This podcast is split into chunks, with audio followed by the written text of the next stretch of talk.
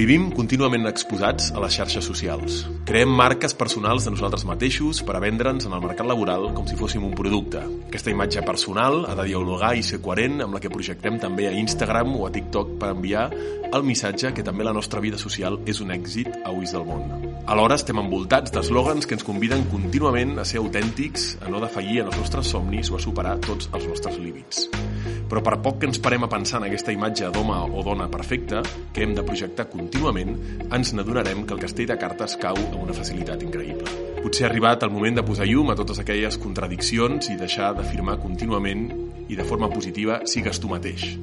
per a fer nostre un nou lema, que és no siguis tu mateix, o no seas tu mismo.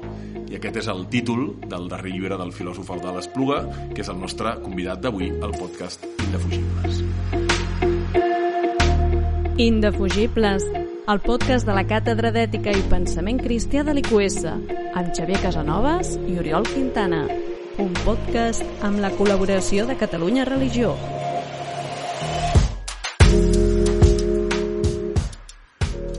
Ok, doncs benvinguts a una nova edició d'Indefugibles, el podcast de la Càtedra d'Ètica de l'IQS. Bona tarda, Oriol Quintana. Bona tarda, Eudal Espluga. Bona tarda i gràcies per convidar-me.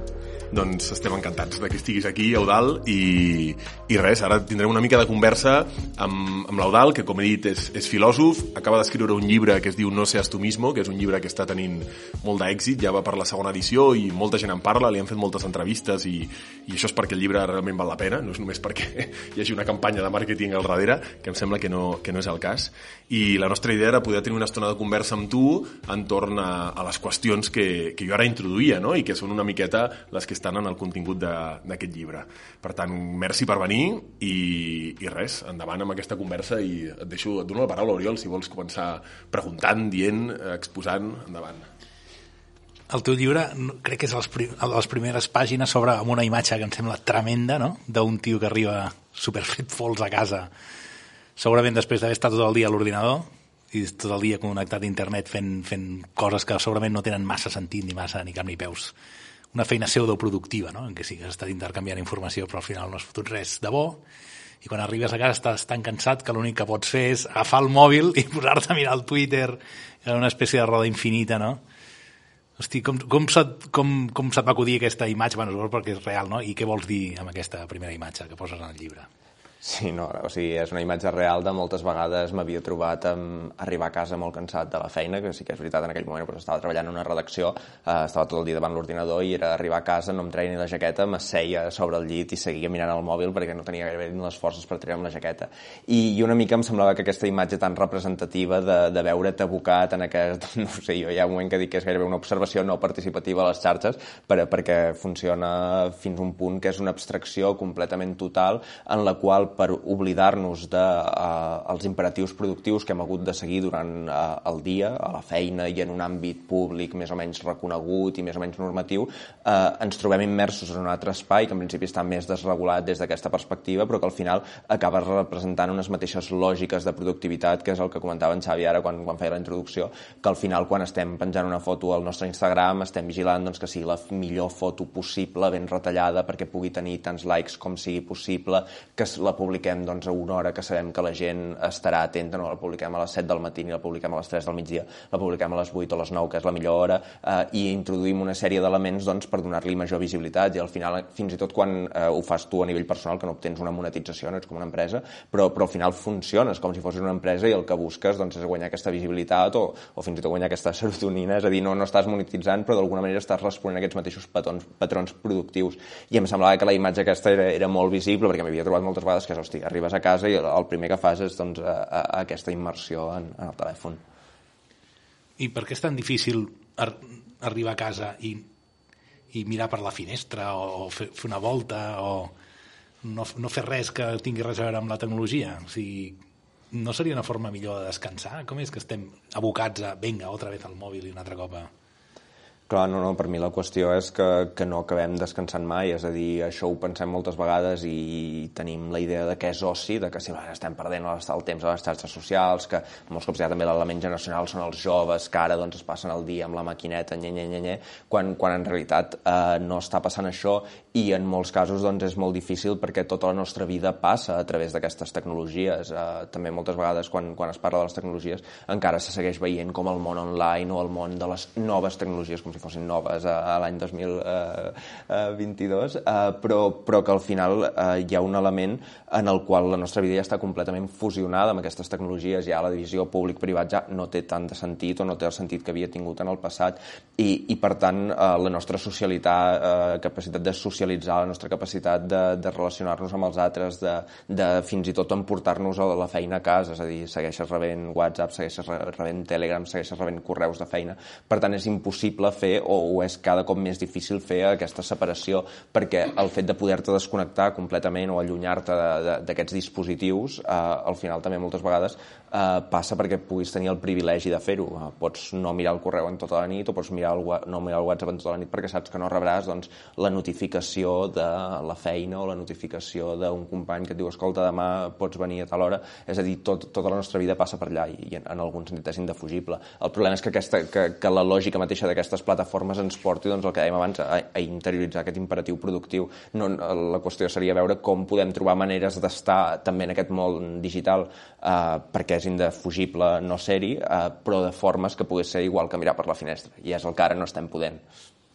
A mi m'agrada del, del llibre que, que jo crec que una de, les, una de les teves aportacions és intentar trencar abans ho comentàvem, eh, amb la categoria millennial com una categoria generacional vinculada al fet d'haver nascut en un entorn digital, diguéssim, no? Perquè tu ho fas molt bé en el llibre, diguéssim, jo crec que el teu llibre està travessat contínuament per una lectura material de la realitat i, i per tant tu dius, no, no, si és que potser s'assemblen més, diguéssim, el jove precari que ha fet una carrera universitària, té tres màsters i, i, i no arriba als 1.000 euros al mes a la feina que té, s'assembla més al boomer, diguéssim, no? que, que en té 55 i que l'acaben de fotre fora de la feina d'una gran consultora i que molt probablement no torni a entrar al mercat laboral perquè ja no hi haurà qui el recicli, no? i al final el que estan patint, diguéssim, en termes materials és exactament el mateix, no? encara que un hagi nascut en la generació digital i l'altre no, i per tant, què és el que té de millennial ser millennial, o quin sentit té aquesta etiqueta que tant s'utilitza, no? I, i com de quina manera pues, també el boomer de 55 també s'enganxarà a Twitter, es que estarà atrapat allà intentant buscar, jo què sé, no? o venent-se per LinkedIn a veure si aconsegueix una feina i al final acabarà participant exactament de la mateixa dinàmica. No? Sí, sí, totalment. O sigui, un dels objectius era dinamitar aquesta categoria entès això com a grup etari, com a grup d'una mateixa edat que ha nascut en un mateix lloc, perquè fins i tot en un context global com, com, la, com el del moment present eh, no té gairebé cap sentit, per dir-ho així, intentar agrupar eh, trets de caràcter o trets eh, culturals compartits entre un mateix grup poblacional. Eh, no ho sé, sempre he ficat el mateix exemple, però és que em sembla molt visible ara amb tota la polèmica que hi va haver-hi amb, amb la sèrie aquella de Netflix del Juego del Calamar, eh, per, perquè els nens molt petits l'estaven veient, Uh, I clar, estem parlant d'això, d'una sèrie que és Corea produïda a Corea, que es distribueix a través d'una plataforma de, que és una empresa uh, que és americana i que arriba a tot el món, arriba al mateix moment, a més a més, i la consumeixen, doncs això, des de boomers de 50-60 anys fins a nens de 13, i per tant uh, aquí la, la generació cau pel seu propi pes. I clar, si això ho ajuntem amb el fet que al voltant del concepte de millennial el que s'ha ajuntat són sobretot tòpics al voltant d'això, de, de, de la generació digital, que es barreja Gen Z, millennials, és al final doncs, la generació smartphone, eh, i d'alguna manera aquí, eh, quan, es, quan, quan s'agrupen tots aquests tòpics, es, el que es deixa de banda és precisament el que deies, la, la qüestió de la materialitat. Per això en el llibre m'interessa molt, bueno, el llibre i sempre que puc, eh, introduir el concepte de capitalisme de plataformes, de Nick Rinsek, que em sembla molt interessant veure precisament eh, com quan parlem del món digital digital en realitat estem parlant d'empreses, estem parlant d'un uh, impacte material sobre les ciutats, sobre uh, fins i tot a nivell de, de, dels minerals que s'han d'extreure per uh, produir aquests telèfons, que s'han de produir per fer aquestes comunicacions, per guardar tota la informació, és a dir, uh, hi ha una materialitat des d'Airbnb quan fa pujar el preu dels lloguers fins a això, fins a l'impacte ecològic que té uh, els serveis de streaming com Netflix i per tant, uh, en aquest sentit, l'efecte és completament horitzontal. A mi una de les coses que més m'agrada del teu llibre és, abundant en això que dèiem, eh, és que basa les causes estructurals. És a dir, no, no, és, no és que tu siguis addicte a les xarxes socials, és que és impossible no ser-ho o, no? o qualsevol gest de vaig a prescindir una mica de la xarxa social és completament irrellevant perquè... Eh, I llavors, per tant, no sé, la pregunta que et vaig a fer ara ja, d'alguna manera ja t'estic dient la resposta, però hi hi ha un llibre d'un tal Josep Maria Esquirol, no sé si et sona, que es diu La resistència íntima, no? i que havia dit que davant d'aquest món tan agressiu i tal, doncs un pot com tancar-se en si mateix d'alguna manera no? i buscar aquelles petits espais de la seva vida que escapen d'aquesta lògica. Però tu vens a dir que no existeix tal cosa com la resistència íntima. Seria això veritat o...? Bueno, crec que el que vinc a dir una mica és que aquesta, aquesta intimitat o aquesta possible resistència íntima ja està privatitzada, ja d'alguna manera ja és impossible escapar unes lògiques que són de la pròpia identitat, per això abans insistia tant, i és una cosa que apareix molt al llibre, amb aquesta idea de l'empresari de si mateix i en entendre que quan parlem d'aquestes causes estructurals, que moltes vegades doncs, parlem del concepte de neoliberalisme, que és el que més s'ha extès, i, i jo intento recuperar la interpretació que em fa Foucault, Michel Foucault, que, que a més a més és una de les eh, pioneres al respecte, per entendre entendre que aquest neoliberalisme no l'hem d'entendre només com transformacions econòmiques, institucionals i macroeconòmiques, és a dir, a nivell de privatitzacions, deslocalitzacions i una transformació de tot el sistema doncs, en el qual vivim a nivell institucional, sinó també com una narrativa íntima en aquest sentit que, que ha fet que ens entenguem ja només a través de les categories d'aquest individualisme possessiu i, i, i que ens fa entendre i que ens relacionem nosaltres mateixos com, com a una empresa, que això és una qüestió que ja estava a l'origen de, dels discursos eh, neoliberals i que crec que ara ja no és només una tensió, sinó ja que és allò que ens ve donat, ja ens ve per defecte això. I aquí és on crec que és perillós només entendre que hi ha aquesta possibilitat de resistència íntima perquè crec que precisament el que hem de fer és, eh, sense voler ser idealista al respecte, però dinamitar una mica aquestes categories d'intimitat i d'identitat per anar més enllà i buscar eh, un, un, una espècie de resistència en el comú, amb, aquest, eh, amb aquesta idea més de col·lectiu, que també sempre que parlem doncs, de polititzar el malestar, al final el que vol dir doncs, és buscar formes de donar resposta en comú, perquè no són problemes que nosaltres solucionarem, és el que deies abans, és que desconnectar de les xarxes socials qui pot desconnectar-se, només va, cal veure eh, com s'han donat tots aquests discursos sobre el detox i la desintoxicació del món digital, que al final són discursos eh, i, i, eh, i, i propostes per persones molt privilegiades, és a dir, vés-te'n a un retiro sense wifi, que t'hi podràs passar dues setmanes veient la muntanya i tornar a connectar amb tu mateix i que a més a més estan doncs, això, vestits de tots aquests discursos d'autoajuda sobre eh, vas allà per després tornar siguent més productiu. De fet, clar, tu cites l'Esquirol, però bueno, també en el llibre apareix Byung-Chul Han moltes vegades eh? I,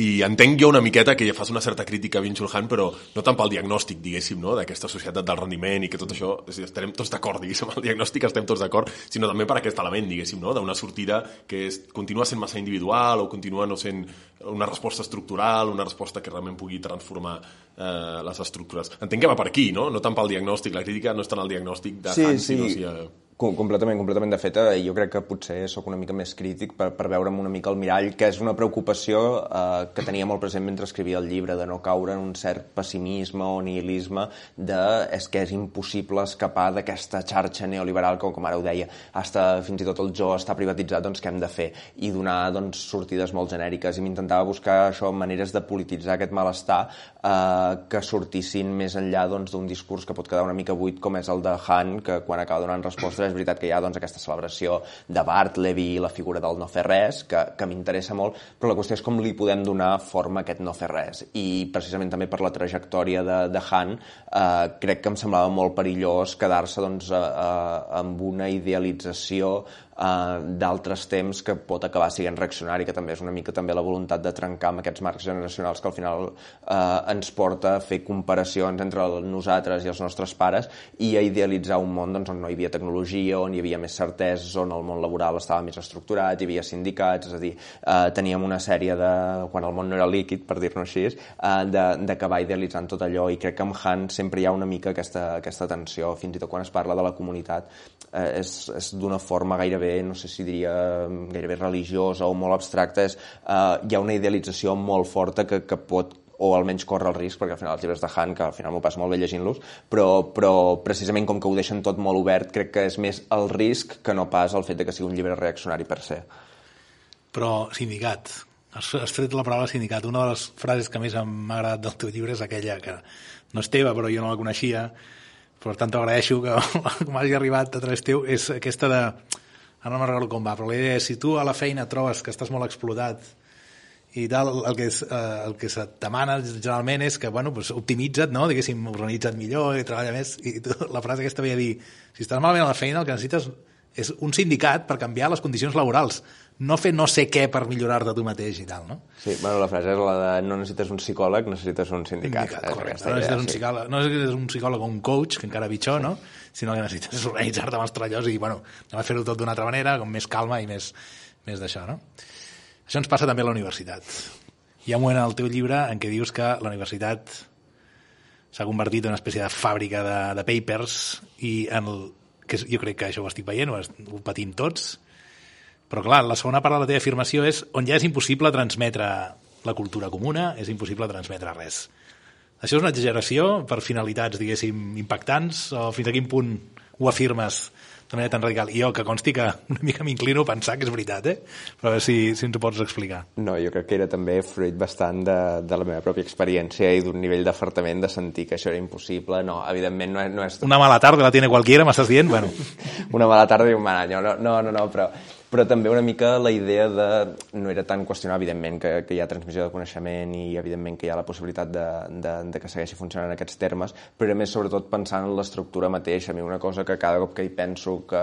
m'enfada molt és no només el fet de que ens convertim en fàbriques de papers, sinó, al final, moltes universitats que funcionen amb diners públics, les beques de les persones que, que estan treballant o poden accedir a un doctorat, les persones que, els professors que estan treballant. Al final, tot el coneixement que produeixen quan es vehicula a través de papers, eh, el valor dels quals és mesurat doncs, eh, amb agències d'impacte i s'han de publicar en revistes, molts cops privades, amb accessos caríssims que només es poden permetre doncs, les pròpies universitats i no algunes. I és com, eh, sento que hi ha com un trasbàs de diners molt gran eh, de, de lo públic a lo privat a més a més perquè el coneixement es quedi tancat, que una mica la idea era aquesta de, de tots els esforços, tots els coneixements i tot el que s'està produint a la universitat, que quedi tancat en aquestes revistes completament inaccessibles, que a més a més cada cop que algun professor o algú intenta doncs, publicar-ho en obert doncs, es menja denúncies i es menja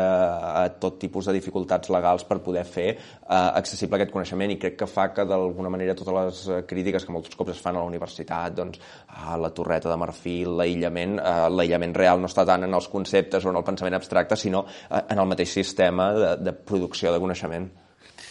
Mira, Eudal, l'altre dia vam, vam fer una activitat amb els estudiants i, i bueno, o no, o en una altra universitat de Barcelona va haver una activitat amb els estudiants i llavors vaig, notes, no, o vaig veure, eh, a vegades et trobes amb persones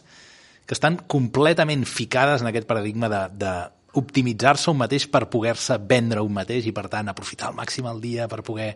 adquirir les màximes habilitats per després poder tenir la màxima feina i aleshores han entrat en aquesta dinàmica d'autoexplotació, no? I si no rendeixen no poden ser feliços i llavors també això els impedeix descansar, etc. Però estan molt ficats, no? Com es trenca aquesta dinàmica? I si tu trobes una persona que està ja amb l'ànima completament venuda al sistema, em perdó, eh, que dic, parlant així, com ho fas per dir no anem bé, no? I per, per convèncer-lo de, de canviar? Bueno, primer potser li regalarem el llibre de l'Eudal, aquest, potser per començar per algun lloc, no? Però Sí, que no, no, sé, evidentment és, és molt difícil, però crec que hi ha dos elements. Un, tam- el primer potser seria pregu preguntar o preguntar-li o, o obligar-nos a preguntar-nos conjuntament per la finalitat de- d'aquesta optimització constant, que crec que al final, quan eh, es produeixen tots aquests discursos que posen l'eficiència al centre, al final que s'oblida és la pregunta ètica de fons o la pregunta sobre la vida bona i és el per què fas tot això. Eh, si, si la resposta doncs, al final és per obtenir més diners o més poder, entenc que aquí doncs, ja hi ha un altre element i la discussió hauria d'anar per una altra via, però jo crec que... No, però clar, també li pots dir per què vols tants diners i per què vols tant poder, o sigui, la, la pregunta és per la finalitat, claríssima. Sí, eh? sí, sí, I, i per mi l'altre element seria en el moment que aquesta persona comença a mostrar doncs, eh, un cert cansament o un cert estar fart o un, un, un malestar, crec que aquí està la qüestió de- d'intentar visibilitzar o, o, o treballar amb aquesta persona el, el fet de per què s'està responsabilitzant de tot aquest malestar, que és fer la pregunta per l'estructura i que es doni compte que tot això que eh, moltes vegades s'assumeixen aquests discursos en els quals eh, la responsabilitat de tot el que em passa a la meva vida, lo bo i lo dolent, eh, és meva, eh, doncs que és, és una retòrica i una narrativa superperversa, que això és veritat que en els llibres d'autoajuda és molt potent, i això sempre l'exemple que fico i que, que em sembla terrible, que és el del Secreto, que no sé si l'heu llegit, que és aquest llibre d'autoajuda, tan- bueno, ja el documental, té milions i milions de ventes, eh, té molts anys, ja poder té 15 anys, i segueix sent cada mes estant entre els més venuts a Espanya i, i a molts països. I aquest llibre doncs, arriba a un punt que bueno, ell defensa la, la llei de l'atracció, que és aquesta idea de que si tu penses una cosa la, la, la traus cap a tu, però en el llibre no només hi ha la part positiva de, va, que vinguin pisos, que vinguin diners, sinó que també ja es, es comenta i es discursivitza i apareix allà eh, que les coses dolentes que et passen eh, te'ls has causat tu, però les coses dolentes a, a nivells molt extrems. Es parla de tsunamis, eh, és a dir, quan hi ha un desastre natural, és, eh, és la, algo habréis hecho. Hi ha aquest discurs i amb guerres, és, és terrible. Però, però crec que això visibilitza molt bé precisament com tots aquests discursos anulen la dimensió estructural i material eh, de, de, de lo que ens passa i com, tot el contrari, ens acabem responsabilitzant de coses que no ens toquen. Clar, això, aquests desastres naturals portat a lo petit és eh, tu a la feina et, et, et, arribes a casa plorant, estàs fatal, estàs amb ansietat, quan en realitat el problema doncs, és que probablement fas masses hores, que probablement doncs, no, no hi ha prous límits respecte a les hores que segueixes contestant correus, eh, respecte a com et tracten, és a dir, hi ha una sèrie de qüestions que, doncs, que han d'anar pel dret laboral o, o que t'has de mirar juntar amb els companys i sindicar-te, és a dir, hi ha moltes coses que pots fer i, o fins i tot, no ho sé, ja callo amb això, però, però estic pensant que abans que parlàvem dels sindicats, eh, amb el tema de fins i tot del lloguer, del fet que molts cops anem mostres que el, més de la meitat del sou se me'n va amb el lloguer i a vegades no ens parem a pensar que això, part d'aquestes causes, té a veure amb aquest capitalisme de plataformes mateix i amb empreses com Airbnb que, que a Barcelona, per exemple, fa que pugin molt els preus i amb el fet que també s'estan creant nous moviments socials, com ara és el, el sindicat de llogaters, que, que al final és un sindicat i, i dona resposta a, a aquests problemes estructurals. És com no ets tu que no treballes prou per pagar-te el pis, sinó és que hi ha un problema urbanístic, un problema empresarial, eh, al, al qual ja hi ha gent que s'està unint per donar-hi resposta i, i per ajudar-te. Mm -hmm. I una de les coses, ho dic per, ja, bueno, per anar acabant, diguéssim, no? Última, penúltima pregunta i acabem anem tancant aquest podcast d'avui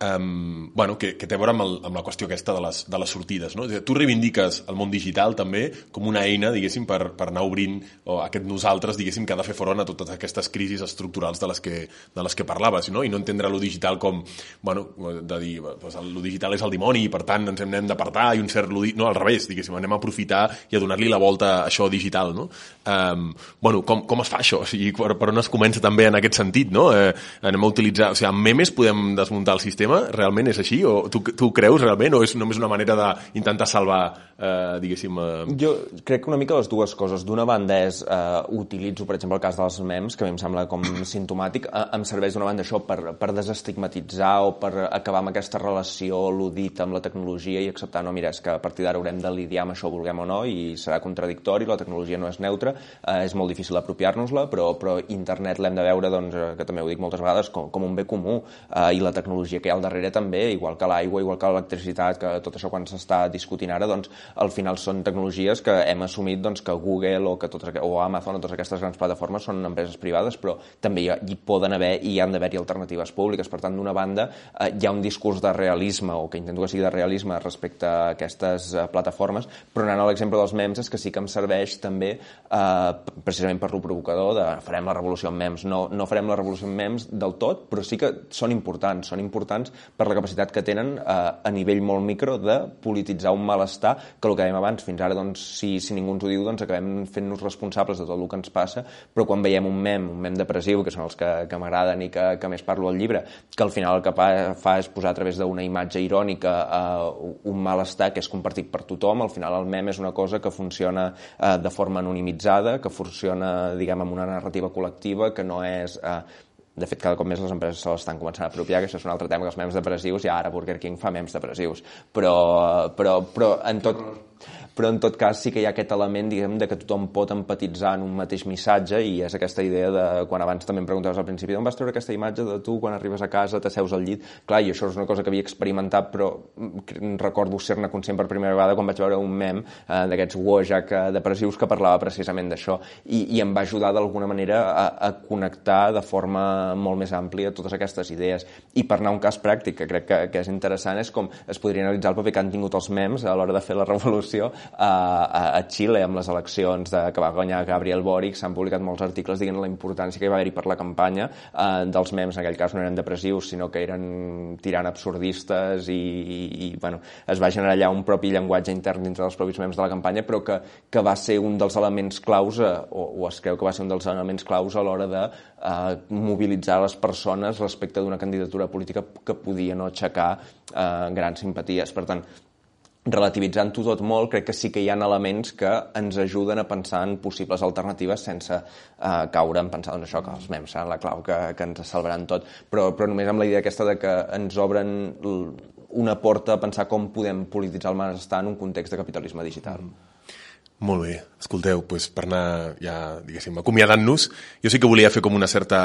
bueno, referència hi ha hagut una part material també d'aquest podcast que ha sigut un cert intercanvi de llibres, perquè l'Oriol Quintana, avui parlem de No seas tu mismo, que és el llibre que ha publicat l'Au de l'Espluga i que val molt la pena, tots els oients del podcast els hi recomanem que el llegeixin, no? Uh, però l'Oriol fa uns anys va publicar un llibre que es deia Filosofia per a una vida peor, no? Que, o sigui, que és justament, o sigui, té, té una certa gràcia perquè els dos heu agafat una frase, diguéssim, i es tracta de negativitzar-la i ja està, diguéssim, i bàsicament és una proposta de negativitzar aquest positivisme en el que estem, bueno, positivisme en el sentit d'una sí, afirmació evolució constant, diguéssim, de, de les coses eh, que estem vivint contínuament, no? Eh, bueno, només era per, per constatar, diguéssim, no? diguéssim, aquesta proximitat. No sé si hi ha o, i, i tu ja has vist, Oriol, que sí que t'has llegit els dos perquè t'has llegit el teu i el de l'Eudal, has escrit el teu i el de l'Eudal i veus similituds, si veus alguna diferència i amb això potser podem tancar, o realment hi ha una corrent aquí i estem començant aquí una certa aliança contra la, la, sé, la dinàmica d'autoajuda no? a través d'un missatge diferent. Bueno, el, el llibre de l'Aldal és molt millor que el meu, encara que el meu és molt recomanable i cal llegir-lo primer per tenir la base i després veure com es pot millorar, no? I és molt més actual, el meu és una mica antic, encara que hi ha hagut una segona edició, no? Eh, bueno, no sé què, què m'has preguntat ja, Xavi, però uh, sí, sí, no, el, el llibre de l'Aldal té una perspectiva molt més actual. El, el llibre meu és bastant basat en autors filosòfics del segle XX, en canvi eh, bueno, totalment, en canvi, el llibre de l'Odal són lectures molt més, molt més actuals i en aquest sentit molt millors, molt més interessants.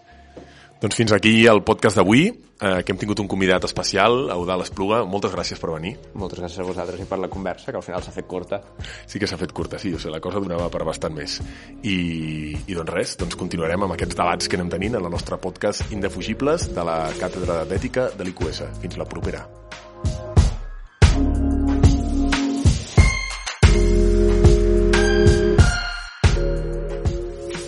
Catalunya Religió.